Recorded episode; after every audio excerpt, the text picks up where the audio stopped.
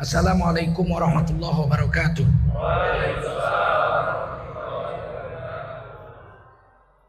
Hamdan wa syukran lillah. Wa salatan wa salaman ala rasulillah. Wa ala alihi wa sahbihi wa mawalah. Allahumma salli wa sallim ala hadha nabiyil karim. Sayyidina wa nabiyyina wa habibina وعلى آله وصحبه أجمعين. أما بعد قال الله تعالى في كتابه الكريم أعوذ بالله من الشيطان الرجيم. بسم الله الرحمن الرحيم. سبحان الذي أسرى بعبده ليلا من المسجد الحرام. ليلا من المسجد الحرام إلى المسجد الأقصى الذي باركنا حوله الذي باركنا حوله لنريه من آياتنا. إنه هو السميع البصير قال رسول الله صلى الله عليه وسلم Man kharaja fi talabil ilmi fahuwa fi sabilillahi hatta yarji. Baginda Rasul bersabda, siapa keluar untuk mendapatkan ilmu, orang itu adalah orang yang berjihad fi sabilillah sampai dia kembali ke tempatnya. Mudah-mudahan kita semua mendapatkan pahala jihad dari Allah SWT. Amin. Sadaqallahul azim. Wa sadaqa rasuluhun nabiyul karim. Wa nahnu ala dhalika minasyahidina wasyakirin. Walhamdulillahi Rabbil Alamin. Para ulama, tuan-tuan guru yang mulia. Ustadz Ayub, korek kita, Bapak Ustadz Asibuan, pengurus masjid, Nurul Iman, Al Iman. Ini kecamatan apa ini? Percut Sungai Tuan. Oh, ya. Bapak-bapak, tokoh-tokoh agama, tokoh pemuda, tokoh masyarakat yang berhadir yang muliakan Allah SWT. Para umarok, ada bapak dari Kapolsek, Percut Setuan, ada dari dan Ramil, Koramil, berhadir pada kita. Mudah-mudahan negara kita tetap aman damai sampai hari kiamat. Amin. Bapak Ibu sekalian wajiblah kita bersyukur pada Allah SWT. Salawat dan salam kita sampaikan untuk baginda Rasulullah Sallallahu Alaihi Wasallam. Rasul teragung dari semua Rasul yang ada. Ada 313 Rasul. Dan 124 ribu Nabi menurut hadis Ibnu Hibban. Dalam kitab Qasasul Anbiya Imam Ibnu Katsir. Nabi dan Rasul ada 124 ribu. 313 di antaranya ber, berpangkat Rasul. Dan oleh Imam Nawawi Al-Bantani ditulis namanya 313 itu. Ulama Indonesia yang wafat di Mekah disebut sebagai Sultanul Ulama. Ulama kepala raja-rajanya ulama. Beliau menuliskan hafal luar kepala 313 Rasul yang pernah Allah utuskan ke dunia. Termasuklah Nabi Armaya, nggak pernah dengar ya?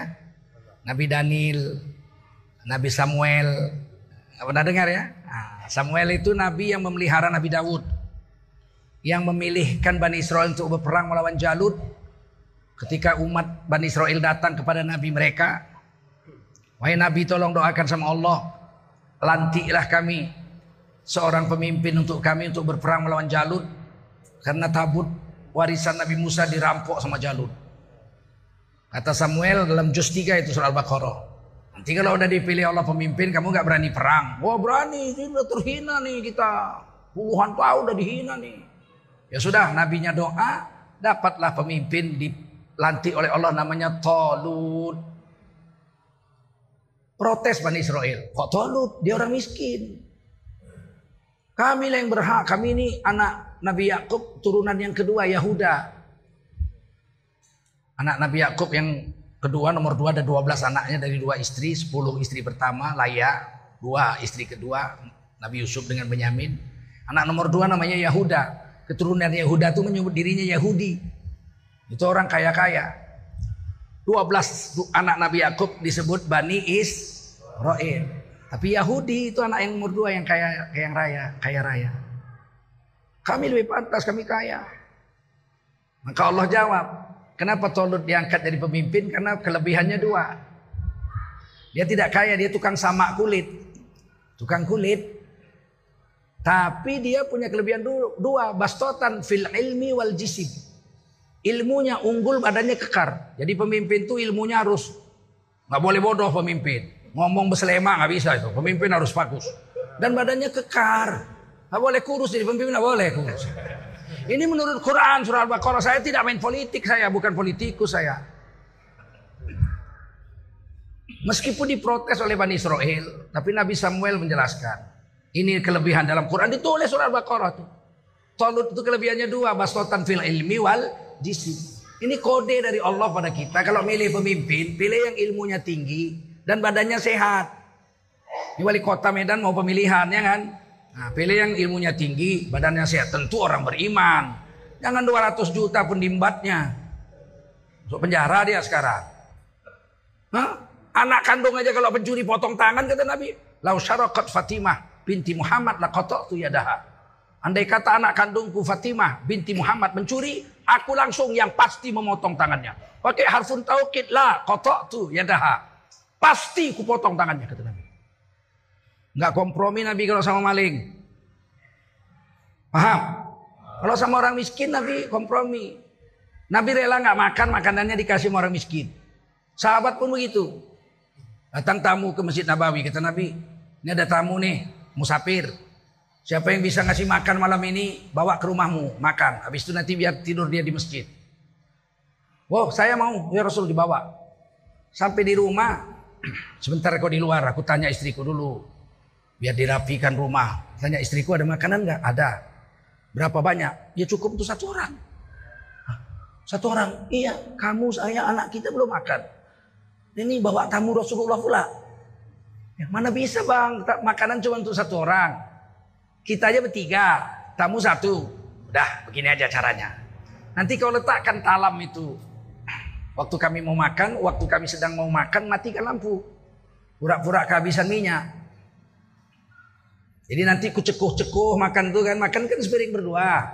Macam orang jalan gajah tuh yang kalian bilang sesat itu. Nanti ku cekuh-cekuh makan tuh tapi aku nggak makan, pura-pura aja gitu karena gelap kan nggak nampak. Nanti kawan tuh makan kenyang dia. Ah jadi pasang hidang dari balik tabir, ya mari kita makan. Baru makan bismillah mati lampu. Dimatikan lampu, gelap-gelap makan. Ah, satu piring tuh habis lah dimakan tamu tuh. Habis itu bawa pulang ke masjid. Tidurlah malam sahabat dengan istrinya dengan anaknya lapar malam itu. Besok pagi Nabi bilang waktu habis subuh, takjub. Menakjubkan perbuatanmu tadi malam. Allah beritahu kepada saya, kamu rela nggak makan anak istrimu, rela nggak makan demi menjamu tamu. Begitu. Dan Nabi beritahu itu, Allah memuji kamu. Bukan main-main zaman dulu, langsung aja dari Rasul.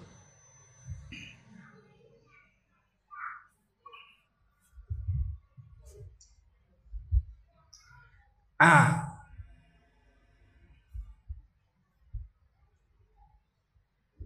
Ada Nabi Armaya, ada Nabi Samuel, ada Nabi Daniel, ada Nabi Samud. Samud. Nabi Samud itu berdakwah sendirian. Istrinya pun gak mau masuk Islam. Perang melawan 1500 pasukan sendirian. Senjatanya rahang onta dan dia menang. Mati semua pasukan 1500 itu dibantinya semua habis. Orang Inggris menyebutnya Samson. Sam'un wadalilah. Samsun wadalilah itu dalam bahasa Inggrisnya Samson and Delilah. Itu Nabi. Nabi Samson. Jadi banyak nabi-nabi. 313 Rasul. Walikulli ummatin rasul. Setiap umat dikirim rasul satu-satu. Jadi kalau Cina sebesar itu kurasa adalah pasti Rasul dikirim. Karena setiap umat dikirim satu. Ada 300 Rasul. Cuman tidak dikisahkan kepada kita. Apakah lauce Nabi? Mungkin saja. Sebab ada kitab sucinya ditulis tangan. Di atas bambu. Keping-keping bambu itu yang diikat-ikat pakai benang. Itu ditulis. Dan dia ke mana-mana naik kerbu. Biasanya nabi-nabi ada kendaraan khasnya. Nabi Isa naik keledai. Nabi Muhammad naik onta. Kalau Nabi Lauce, kalau dia Nabi, kalau dia Nabi, naik kerbau hijau. Ada kerbau hijau.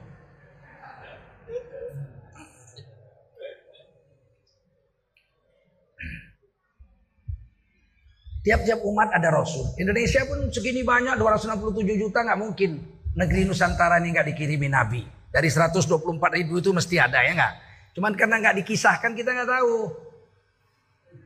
Mungkin aja Nabi Eh, untuk orang Indonesia itu Nabi Nuh? Mungkin. Mungkin. Karena Nabi Nuh itu tidak disebut dari mana. Nabi Ibrahim dari Mesopotamia, Irak. Nabi Musa dari dari Bani Israel. Dakwah ke Fir'aun di Mesir. Ya kan? Nabi Yusuf, Bani Israel, anak Nabi Yakub. Dakwahnya ke Mesir juga jadi raja di Mesir. Nabi Isa alaihissalam di Palestina. Nabi Ayub di Turki. Nah, Nabi Junus di Nawaweh. Ini sebut daerah-daerahnya. Nabi, Nabi Nuh dari mana? Nah, mungkin dari Indonesia. Kok ketawa? Karena ternyata perahu Nabi Nuh itu menyangkut di gunung. Di dalam Quran disebut wastawat alal judi. Sangkut di gunung judi. Gunung judi menurut kitab Taurat gunung Ararat. Perahu Nabi Nuh nyangkut di gunung Ararat. Gunung Ararat itu, gunung judi itu adanya di Turki. Sekitar 2.500an meter dari permukaan laut ada perahu nyangkut di situ, perahu kayu. Tinggal lunas-lunasnya karena dulu perahu itu diperkirakan tiga tingkat. Tingkat pertama paling atas untuk burung-burung sepasang-sepasang. Tingkat kedua untuk 80 orang Islam yang beriman. Tingkat paling bawah untuk kerbau, sap, apa, sapi, rusa, kuda nil sepasang-sepasang. Gajah, nanti paling bawah. Nah setelah perahu itu nyangkut di Gunung Judi mereka turun ke, ke tanah. Nah mereka hidup lagi 50 tahun lagi kemudian Nabi, Yus, Nabi Nuh masih hidup. Perahu itu sudah dapat diperiksa oleh arkeolog zaman sekarang. Diperiksa ternyata kayunya kayu jati dari Jawa Timur. Ah, mungkin aja Nabi Nuh orang Surabaya. Ah. Sebab negeri Nusantara begini besar gak mungkin gak ada Nabi. Betul. Masa 124 ribu nabi nggak dikirim kemari?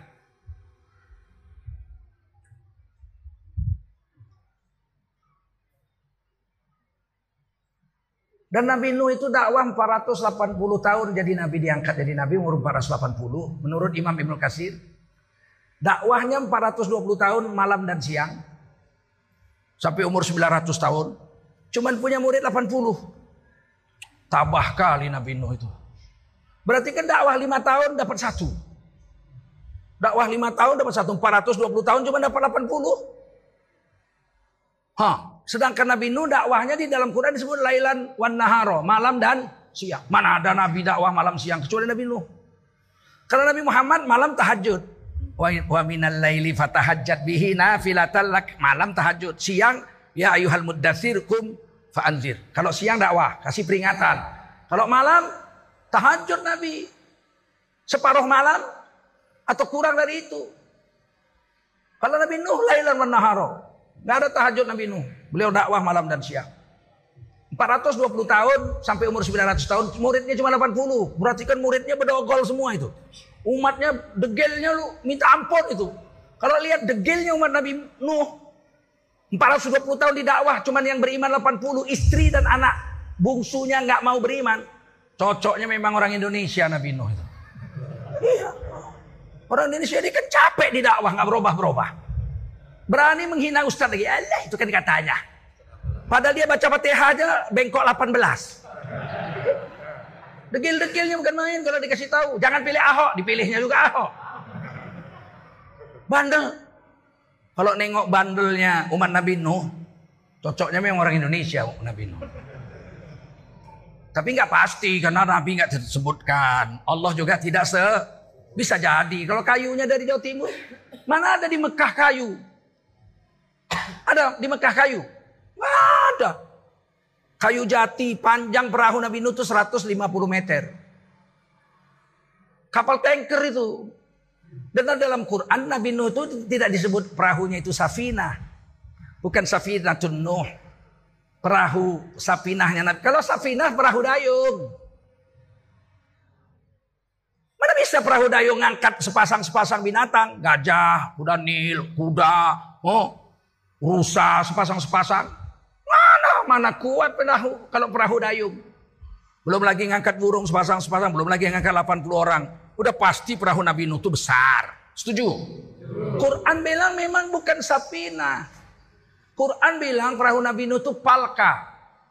Bahasa Inggrisnya palka itu kapal tanker. Dan Quran bilang falka. Tulis bahasa Arabnya fulka. Wasna'il fulka bi'ayunina wa wahyina. Dibuat itu perahu fulka. Dibuat itu palka 150 meter panjangnya. Itu langsung di pengawasan Allah dan melalui wahyu. Bi'ayunina wa wahyina. Pakai pengawasan kami Allah dan pakai wahyu kami. Nabi Nuh mana bisa bikin perahu? Dari mana taunya? Ya dari wahyu. Ambil kayu sini, potong di sini, sambung di sini, ikat di sini, bikin begini. Ya tinggal wahyu aja. Kerjakan aja apa yang diperintah. Dan itu ratus tahun. Bukan seminggu bikin perahunya itu. Ratus tahun bikin perahunya itu. Ah, di mana kayu sebanyak itu diambil kalau di Mekah? Di Timur Tengah sana. Mesti di sini. Sudah ada perahunya. Ah, dari semua nabi-nabi 124.400 313 rasul. Dari 313 rasul 25 yang wajib kita kenal. Nah, kalau 25 itu wajib kita kenal namanya Rasul pilihan. Walaupun gak berturut-turut berdosa orang Islam kalau gak kenal nama Nabi yang 25 itu. Sebab itu rukun iman. Rukun iman yang ketiga percaya kepada Rasul. Bukan yang 124 ribu itu mana kita tahu siapa itu. 313 yang apa Imam Nawawi cuman. Al-Bancani, orang Banten itu.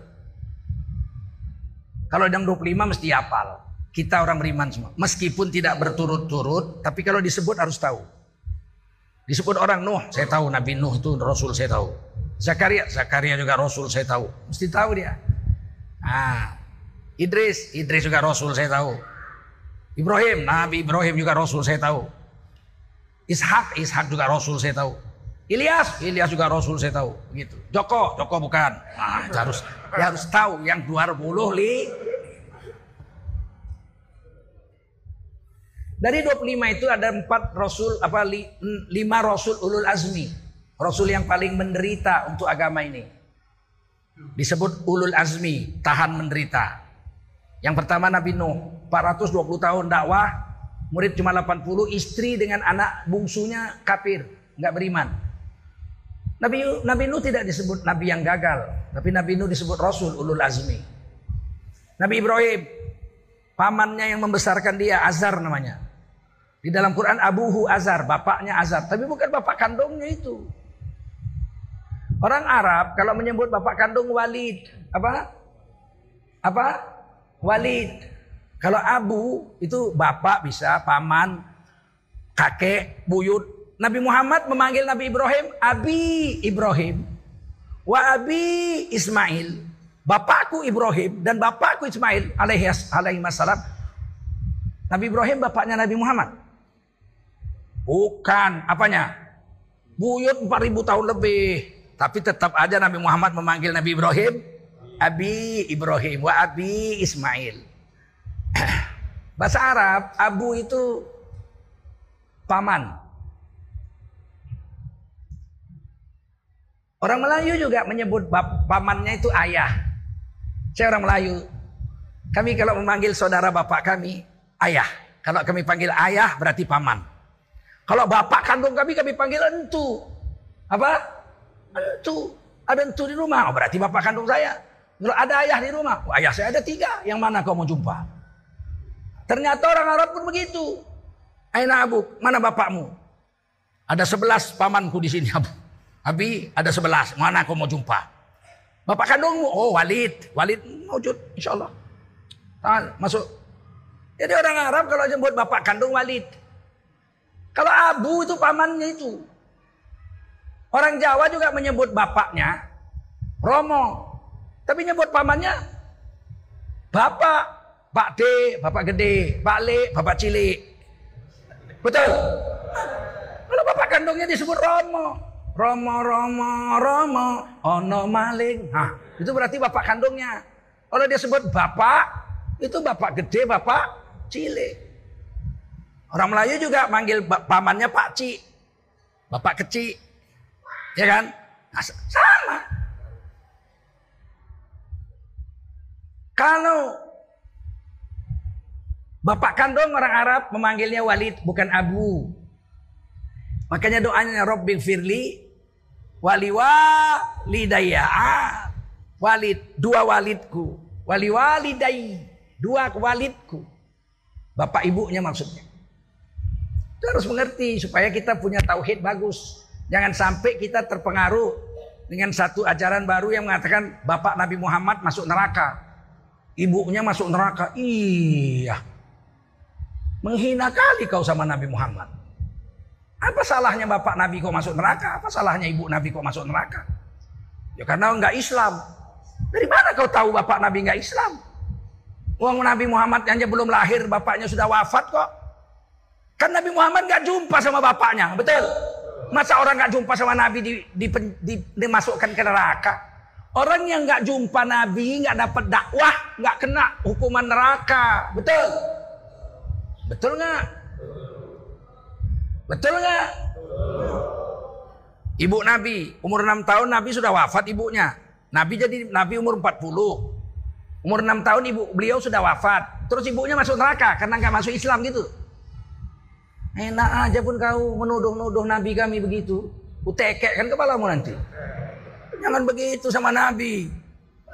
Ada hadis Sahih Muslim, betul. Satu-satunya memang. Hadis ahad itu. Satu orang nanya sama Nabi, Aina Abi. Di mana bapakku? Bapaknya baru meninggal. Sahabat ini nanya sama Nabi, Aina Abi, bapakku di mana? Nabi diam. Kemudian laki-laki itu pergi. Waktu laki-laki itu pergi dipanggil Nabi, eh, Fulan. Abu wa abi finar. Bapakmu dan bapakku di neraka. Oh, ini, bapak orang itu sama bapak Nabi di neraka. Nabi pakai abu. Bukan pakai kata walid. Abu tuh bisa saja Abu Talib, betul. Yang memelihara Nabi dari kecil dari umur 8 tahun sampai Nabi nikah sampai Nabi mau dibunuh pun Abu Talib membela Nabi. Tapi Abu Talib tidak Islam. Wajar masuk neraka karena ketemu dengan Nabi, betul nggak? Sampai akhir hayat didakwah sama Nabi. Abu, pamanku, ya Abi, pamanku, kul la ilaha illallah. Ucapkan la ilaha illallah saja. Tak usah ucapkan Muhammadur Rasulullah. Saking hormatnya Nabi sama bapaknya ini, pamannya ini. Kul la ilaha illallah. Bas, cukup. Ditengok sama Abu Talib Nabi Muhammad. Ditengoknya Umayyah bin Khalaf ada situ, Abu Jahal ada situ.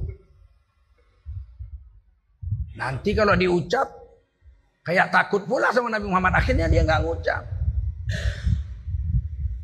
Padahal cukup mengatakan la ilaha illallah nanti di hadapan Allah saya yang akan membela paman. Muhammadur Rasulullah nggak usah di saya karena di seumur hidup paman membantu saya. Tapi ucapkan la ilaha illallah nggak mau. Nah ketika dia sudah hampir mati, mulutnya komat kamit. Dalam sirah Ibnu Ishaq, saya baca itu. Ibnu Ishaq, saya baca kitabnya. Maka Abbas, paman Nabi adiknya Abu Talib. Tiga tahun lebih tua dari Nabi. Melengketkan kupingnya ke mulut Abu Talib. Karena mulut komat kamit. Didengar gitu. Kemudian Abu Talib mati. Setelah kejadian itu Nabi bertanya kepada Abbas. Radhiyallahu anhu. Waktu itu Abbas masih kafir. Belum Islam. Sayyidina Abbas belum Islam. Sayyidina Abbas Islamnya kan setelah Fathul Mak hampir jatuh Mekah ke tangan. Nabi sudah siapkan 10 ribu pasukan mau menguasai Mekah. Abbas datang. Menjumpai Nabi masuk Islam. Khalid bin Walid masuk Islam. Amru bin As masuk Islam. Baru Nabi bawa pasukan ke Mekah. Abu Sofyan di perjalanan jumpai Nabi masuk Islam juga panglima besarnya Quraisy. Abbas belum masuk Islam waktu Abu Talib wafat. Isra Mi'raj belum dilaksanakan kok. Nabi bertanya, apa kata paman saya? Abu, Abu, Abi, apa kata abiku gitulah. Maka kata Abbas, dia mengucapkan kalimat yang kau suruh itu. La ilaha illallah. Apa kata Nabi? Maaf, mak, aku nggak dengar. Nggak aku dengar. Nah, ini orang Syiah mengambil hadis ini. Tuh, sebetulnya ngucap. Tetapi Nabi nggak dengar. Ya Abbas kan dengar. Abbas kafir. Kesaksian orang kafir nggak diterima dalam Islam. Paham? Ngerti? Ngerti nggak? Ini pahamnya ahli sunnah wal jamaah. Kita bukan syiah. Dan ada hadis Hasan Sohe yang mengatakan Abu Talib disiksa di neraka yang paling ringan. Diletakkan bara neraka sebesar biji sawi ke tapak kakinya, mendidih otaknya sampai selama-lama-lama-lama-lamanya. Itulah doa Nabi untuk meringankan siksa Abu Talib. Padahal harusnya Abu Talib itu dalam neraka kerak-keraknya itu. Kafir. Apakah Nabi punya hak untuk minta keringanan? Punya. Abu Talib cuma mendidih otaknya di neraka. Kalau kita masuk neraka apa yang mendidih? Angus semua dari ujung rambut sampai ujung kaki. Betul nggak? Nah, itu keringanan. Pernahkah Nabi mengakibatkan keringanan pada penduduk neraka yang kafir? Dalam hadis dua kali. Sekali Abu Talib nerakanya cuma otaknya mendidih. Yang kedua Abu Lahab Abu Lahab. Itu kafir juga tuh. Paman Nabi. Kaya raya punya kampung sendiri. Dia nggak tinggal di kota Mekah. Dia nggak tinggal dekat Ka'bah. Dia punya kampung sendiri. Namanya kampung Abu Lahab. Kalau naik taksi dari Mekah ke arah Tanim setengah 15 menit. Ada namanya kampung Abu Lahab. Ada gunungnya Jabal Abu Lahab. Sekarang dari diratakan sama tanah. Gunungnya diambil untuk membuat gedung-gedung, jalan-jalan.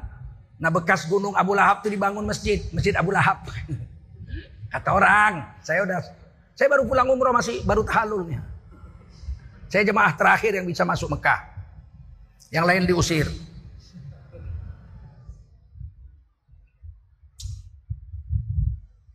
Abbas radhiyallahu anhu, paman Nabi itu setelah masuk Islam, Nabi sudah wafat. Dia rindu dengan Abu Abu Lahab, abangnya lah pula. Maka Abbas sholat tahajud di malam hari, di siang hari Sayyidina Abbas puasa. Ada hajat, kepingin jumpa Abu Lahab dalam mimpi. Maka malamnya Sayyidina Abbas tahajud, siang beliau puasa. Doa, ya Allah jumpakan aku dengan abangku Abu Lahab. Bagaimana nasibnya sekarang setelah kematiannya? Ini hadis Bukhari, ditulis dalam kitab Adabul Mufrad. Bukan ngarang-ngarang ini. Maka satu hari mimpilah Sayyidina Abbas, paman Nabi, tiga tahun lebih tua dari Nabi. Melihat Abu Lahab sedang dirantai. Keluar api dari badannya itu. Saking sudah lamanya dibakar. Kayu kalau udah lama dibakar kan dari kayu itu keluar api. Udah keluar api dari badan Abu Lahab tuh. Ditengok sama Sayyidina Abbas menangis dia. Wahai abangku, sengsara kali kau hidup di sana. Iya beginilah nasibku. Kutolak Nabi Muhammad ajarannya. Jadi dibakar aku beginilah sampai sekarang. Adakah keringanan diberikan Allah kepadamu? Abu Lahab mengatakan ada. Setiap malam Senin dan hari Senin rantiku dibuka dan aku boleh ngempot. Ngisap tangan. Karena udah dilepas rantinya. Itulah keringanan yang diberikan Allah malam Senin dan hari Senin. Kata Sayyidina Abbas, kenapa hari Senin dan malam Senin kau dapat keringanan? Karena malam Senin dan hari Senin itu aku telah berbuat satu kebaikan untuk Nabi Muhammad SAW. Dibawa kabar oleh budak saya perempuan namanya Suwaibah radhiyallahu anha. Beliau masuk Islam belakangan. Lari-lari dari Ka'bah, bayangin kalau naik taksi 15 menit lari berapa jam? Mungkin lari setengah jam, mungkin lebih dari setengah jam ya. Lari. Sampai ke kampung Abu Lahab, dia bilang, Tuanku Abu Lahab, ada kabar gembira hari ini. Anak saudaramu Abdullah telah lahir, cantik jelita badannya, bersinar tubuhnya. Sehat walafiat dan montok badannya. Ketika lahir terlungkup dan memandang ke langit. Sama. Dia tidak menangis waktu melahir dan tidak berdarah-darah dan sudah berkhitan. Maka kakek Abdul, Abdul, Abdul Muthalib memberi nama anak Abdullah itu Muhammad. Senangnya Abu, Abu, Abu Lahab dengar waktu itu. Wah, kamu telah membawa kabar gembira malam ini. Bertuah kamu. Kamu saya merdekakan dari budak tanpa bayar. Oh, itu kebaikan Abu Lahab itu. Padahal kan, kamu ku merdekakan gratis, gak usah bayar. Kamu telah menyenangkan hatiku pada hari ini. Dan kamu saya gaji. Sekarang kamu kembali ke Mekah, susukan keponaanku itu. Jadi ibu susu Nabi yang pertama namanya Suwaibah, budak perempuan dari Abu Lahab yang dimerdekakan. Barulah beberapa minggu kemudian datang wanita dari Bani Sa'ad, pegunungan Bani Sa'ad dengan suaminya Abu Zaid. Diambillah Nabi untuk disusukan di pegunungan Bani Sa'ad. Wanita penyusu Nabi yang kedua namanya Halimatus Sa'diyah. Nabi tinggal di pegunungan Bani Sa'ad selama enam tahun. Gak pernah lihat berhala selama enam tahun. Gak pernah lihat orang mabuk selama enam tahun. Gak pernah lihat orang berzina selama enam tahun. Sebab Nabi tidak dibesarkan di Makkah. Tapi Nabi dibesarkan di suku Badui yang bahasa Arabnya sangat fasih. Yaitu Bani Sa'ad. Ini biar kita tahu nih sejarah Nabi ini. Saking cintanya Nabi dengan Abu Lahab dan Abu Lahab cintanya kepada Nabi bukan main. Anak Nabi dua orang dikawinkan Nabi kepada anak Abu Lahab. Anak Nabi perempuan empat. Zainab, Ruqayyah, Umi Kulsum, Fatimah. radhiyallahu anhun.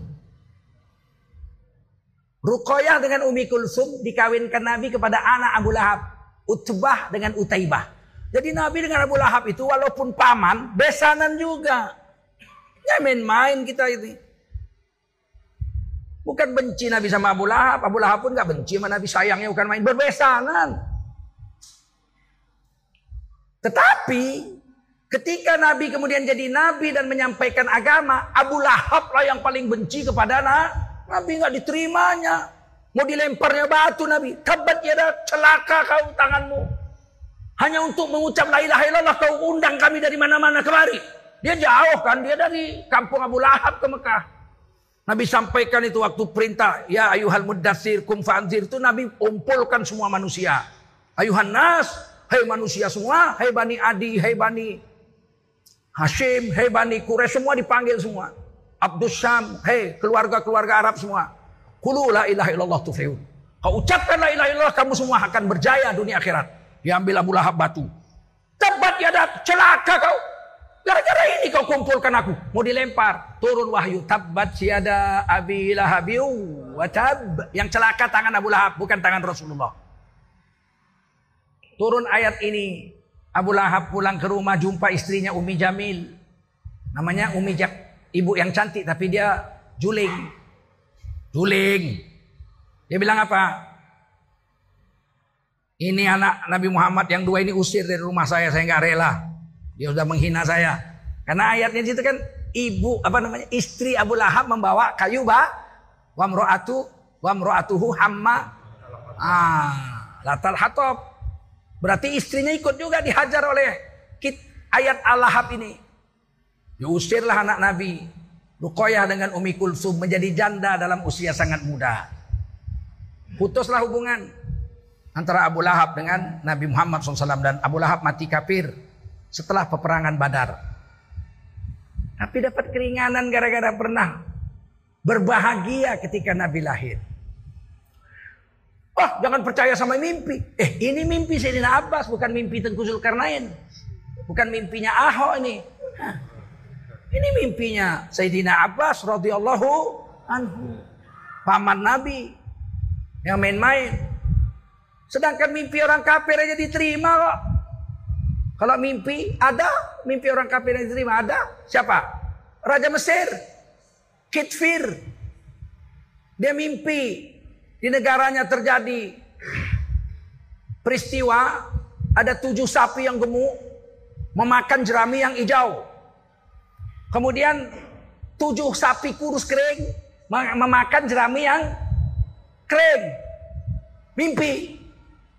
Dia cari siapa yang bisa menerjemahkan mimpi saya. Singkat cerita Nabi Yusuf dari penjara. Menerjemahkan mimpi. Betul? Akan terjadi tujuh tahun musim panen raya. Hasil panen gandum melimpah ruah. Tapi kemudian tujuh tahun tidak ada panen sama sekali. Oleh karena itu kita harus menghemat makanan ketika tujuh tahun panen raya untuk persiapan tujuh tahun paceklik besar. Nah, kalau gitu kamu jadi menterinya. Langsung Nabi Yusuf diangkat jadi menteri perbendaharaan negara. Berdasarkan mimpi. Mimpi. Jadi jangan anggap enteng dengan mimpi. Ada kadang-kadang kawan-kawan kita ini. Abu Lahab dapat keringanan. Keringanannya dalam neraka cuman dilepas rantainya boleh ngempot jarinya. Lumayan lah ya nggak? Bisa garuk-garuk lah seminggu sekali ya nggak? Ah itu kan dasar mimpi. Mimpi, mimpinya dari Sayyidina Abbas, hadisnya Bukhari, ditulis Imam Bukhari dalam kitab Adabul Mufrad. Bukan dongeng-dongeng. Bahkan azan itu berasal dari mimpi. Nabi musyawarah bagaimana mau memanggil orang sholat. Kata sahabat, kita hidupkan tanduk, tiup tanduk, kornu, tunggu. Nah, nanti orang tahu ini waktu sholat. Kata Nabi, macam Yahudi. Yahudi kalau mau sholat, kalau mau sembahyang dia tiup trompet. Nggak mau aku, kata Nabi. Ah kalau gitu kita pukul lonceng, tunang, gloneng, glonang, gloneng. Oh berarti waktu sholat. Ah nggak mau aku kata Nabi macam orang Nasrani. Jadi Nabi memirip-mirip nggak mau. Kalau gitu kita bakar api kita sahabat yang lain. Asal hidup api berarti waktu sholat. Macam majusi nggak mau Nabi. Akhirnya apa ceritanya? Ditangguhkan musyawarah. Nanti kita cari setelah tangguh ini. Malamnya Abdullah bin Said radhiyallahu mimpi. Ah, mimpi. Hadisnya Bukhari, Muslim, Abu Dawud, Termizi, banyak rawi. Sayyidina Abdullah bin Said mimpi ada orang bawa tambur. Kalau orang Melayu bilang canang. Canang itu tambur dari perak. Kalau dipukul suaranya deras. Ceng. Orang Cina pakai itu. Kuncang li shao lu le li chen li chen Kuncang gitu.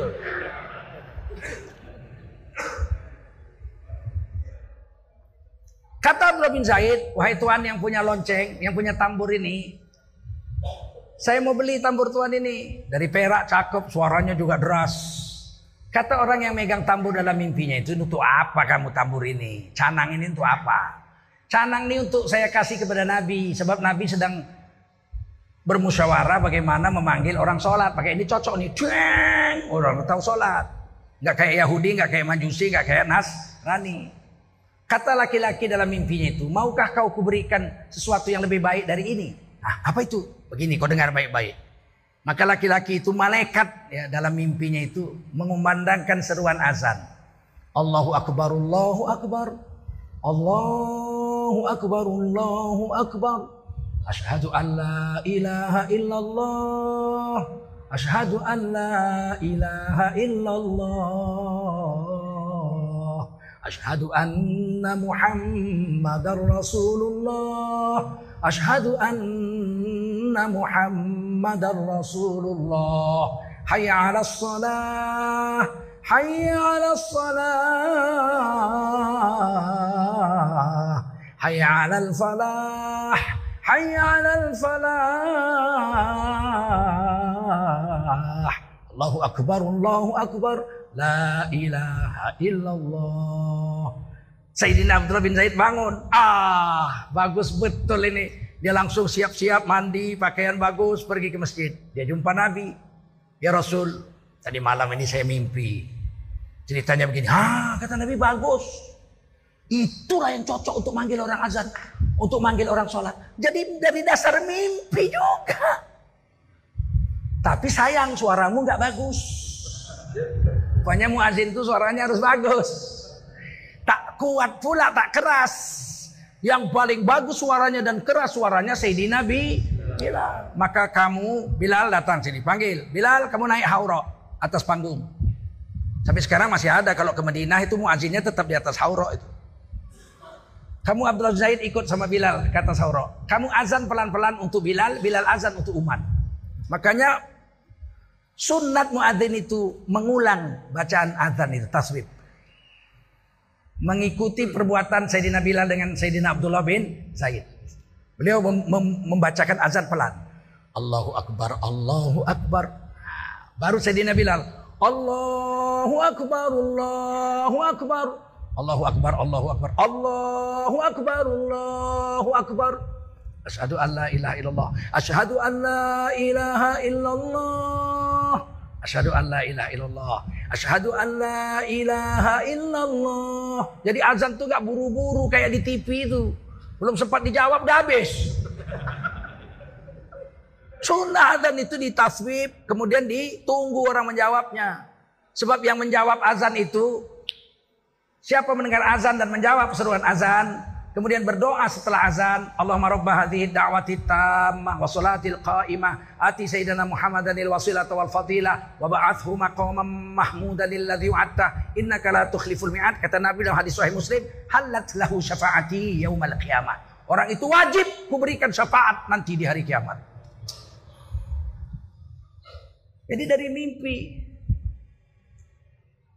Umar bin Khattab Mimpi yang sama. Jadi bukan Abdullah bin Zaid aja mimpi. Umar bin Khattab mimpi yang sama. Dia bangun, dia siap-siap pakai sarung, pakai baju koko, pakai peci. Jadi Umar bin Khattab tidak pakai jubah.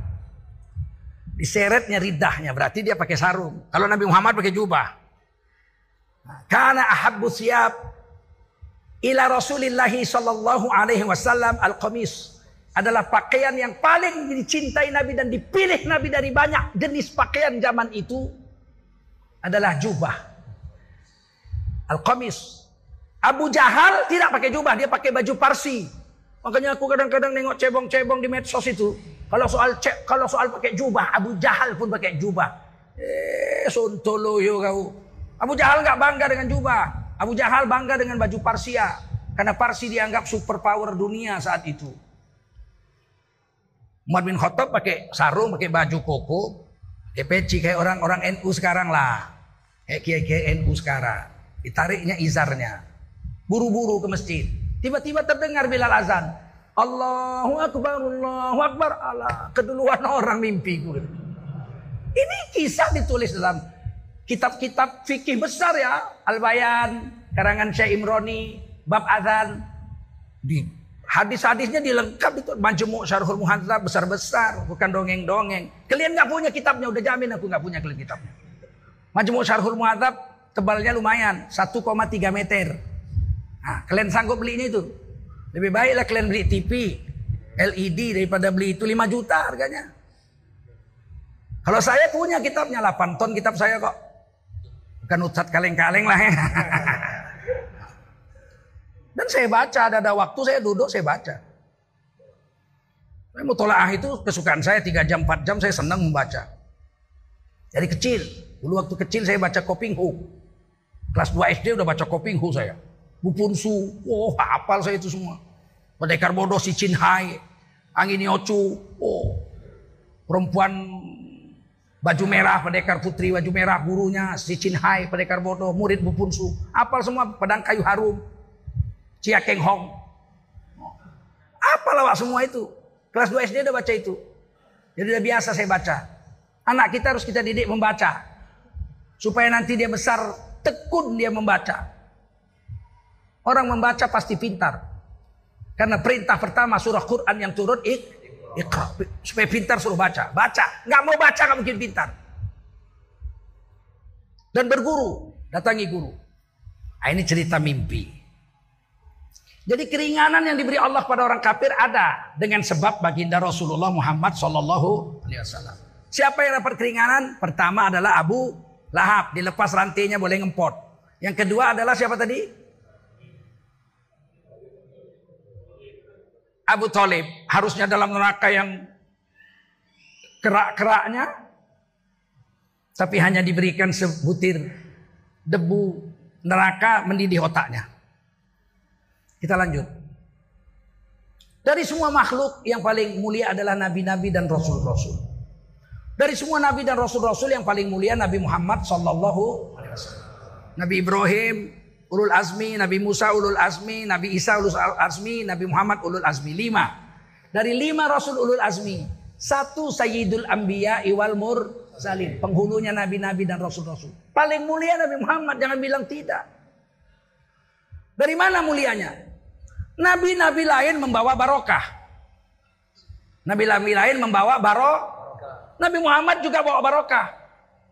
Iya, tapi nabi-nabi lain bawa rahmat di kampungnya aja. Sedangkan Nabi Muhammad bawa rahmat seluruh. Itu bedanya. Kalau barokah semua nabi barokah. Nabi Isa barokah ditulis di Quran. Nabi Musa barokah ditulis di Quran. Nabi Ismail barokah. Masih bayi di sepak-sepaknya pasir. Ibunya lari-lari sopa marwah cari air. Keluar air zam-zam sampai sekarang gak kering-kering.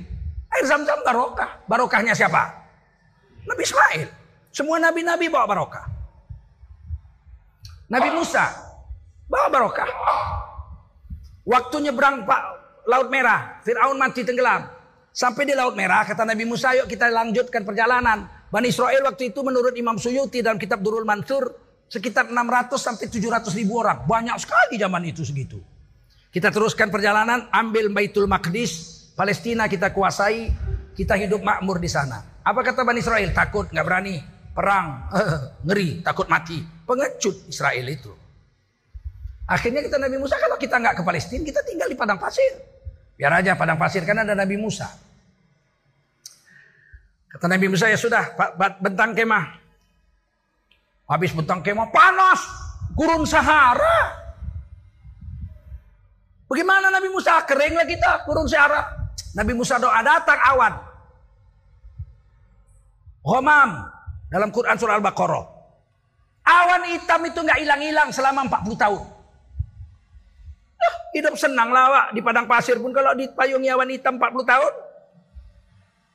Maka doa Nabi Musa datang berkah. Awan hitam di gurun Sahara memayungi Bani Israel 600 sampai 700 ribu orang. Tidak hilang-hilang tuh awan. Berapa nyamannya hidup di padang pasir seperti itu. Dah. Sudah aman. Terus dia bilang apa? Nggak ada air ya Nabi Musa. Oh oke okay, air. Dipukul Nabi Musa. Gunung batu. Fan fajarot min husnata muncrat 12 pancuran. Ini Quran yang bilang. Kenapa 12 pancuran? Karena Bani Israel 12 suku. Anak Nabi Yakub kan 12. 10 istri pertama, 2 istri ke 2. 10, 12. Wa kullu unasim masyrobahum. Setiap satu suku ambil satu pancu pancuran. 40 tahun nggak berhenti-berhenti itu air mengalir terus. Wah, dari mana sumber airnya? Jangan tanya. Itu barokah dan rahmat nabimu Allah beri. Sampai sekarang sudah 3 4000 tahun. 3000 tahun lebih. Air itu belum berhenti.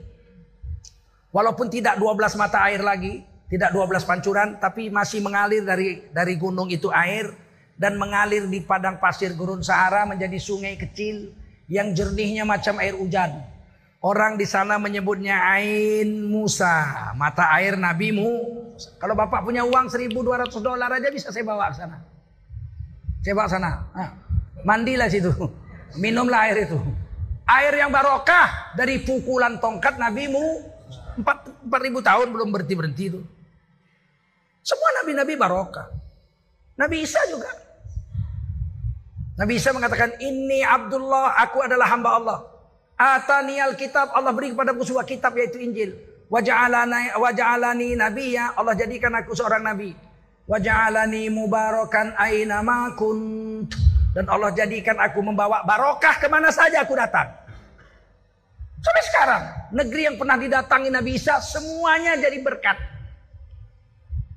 Ada kota tempat Nabi Musa dakwah 40 hari. Jadi Nabi Musa dakwah 40 hari. Namanya Jericho. Apa namanya? Jericho di Palestina. Masuk kekuasaan Israel sekarang. Jericho itu tumbuh pohon zaitun terbaik di dunia. Ditulis di Quran surah An-Nur la syarqiyah wala gharbiyah. Tidak ada di barat, tidak ada di timur. Minyak zaitun di India banyak. Di Pakistan banyak pohon zaitun. Di Spanyol banyak sekali pohon zaitun. Sekilo minyak zaitun di Spanyol 80 ribu rupiah uang sini. Murah sekali. Tapi waktu saya ke Palestina, saya sampai ke Jericho, saya bilang apa keistimewaan Jericho ini setelah Nabi Isa sampai sini. Oh, dibacakan surah An-Nur. Ada minyak zaitun nggak ada di barat, nggak ada di timur. Oke, saya beli sekilo untuk kakak saya di Medan. Tahu harganya berapa? Satu juta lima ratus ribu. Di Spanyol sekilo minyak zaitun 80 ribu. Tapi di Jericho 100 dolar lebih. Sejuta lima ratus. Saya bilang apa hebatnya? Oh kau tengok nih. Tengok. Kuning macam emas. Ditulis di Quran. Tidak minyak zaitun sebagus minyak zaitun Jericho. Kenapa? Waja'alani mubarakan aynama kuntu. Allah jadikan aku Nabi Isa ke mana aja datang membawa barokah sampai hari kiamat. Tapi Nabi Muhammad selain barokah, Nabi Muhammad barokah ditanam Nabi korma ajwa sampai sekarang nggak mati-mati. Harganya 80 real sekilo. Berarti berapa itu? 8 kali 4, 320 ribu sekilo korma Nabi. Saya baru pulang umroh dapat saya sekilo. Gratis. Dikasih sama yang jual. Tengku Zulkarnain, ya dia pun tahu juga saya. Oh, Masya Allah hadiah. Wah lumayan dapat sekilo. 320 ribu. Selain Nabi bawa barokah, Nabi bawa rahmat. Kasih sayang. Dan rahmat Allah itu turunnya di seluruh dunia. Padahal Nabi nggak pernah datang ke situ. Nabi itu cuma di Mekah, Madinah. Betul? Taif nggak jadi dakwah dilempari batu. Nabi cuma dakwah di Mekah, Madinah. Tapi rahmat turun di percut Setuan, rahmat turun. Rahmat turun di Bangladesh, rahmat turun di Amerika, rahmat turun di bulan, rahmat turun di Jupiter, rahmat turun di seluruh. Siapa yang bilang? Allah wa ma arsalnaka illa rahmatan lil alamin. Tidaklah aku utuskan engkau hai Nabi Muhammad diutus cuma ke Mekah Madinah illa rahmatan lil alamin. Kecuali atau pasti akan membawa manfaat atau membawa rahmat bagi seluruh alam semesta. Tidak ada imbangnya Nabi Muhammad.